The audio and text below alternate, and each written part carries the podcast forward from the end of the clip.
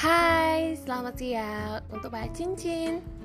Nah, jadi uh, aku mau buat podcastku sendiri. Ini sebenarnya sih tentang uh, enak ya kalau misalnya kita siang-siang itu nggak ada beban, nggak ada uh, hal sesuatu yang kita pikirkan gitu loh dengan santai tanpa uh, memikirkan segala sesuatu yang memang harus diberatkan gitu kalau aku sih biasanya ya untuk menenangkan diri aku uh, sekarang itu kan aku jobless gitu kan. Maksudnya kayak menyingkirkan beberapa pekerjaan yang membuat aku akhir-akhir ini bikin stres gitu bikin sakit kepala dan juga itu berkelanjutan hingga aku pernah sakit.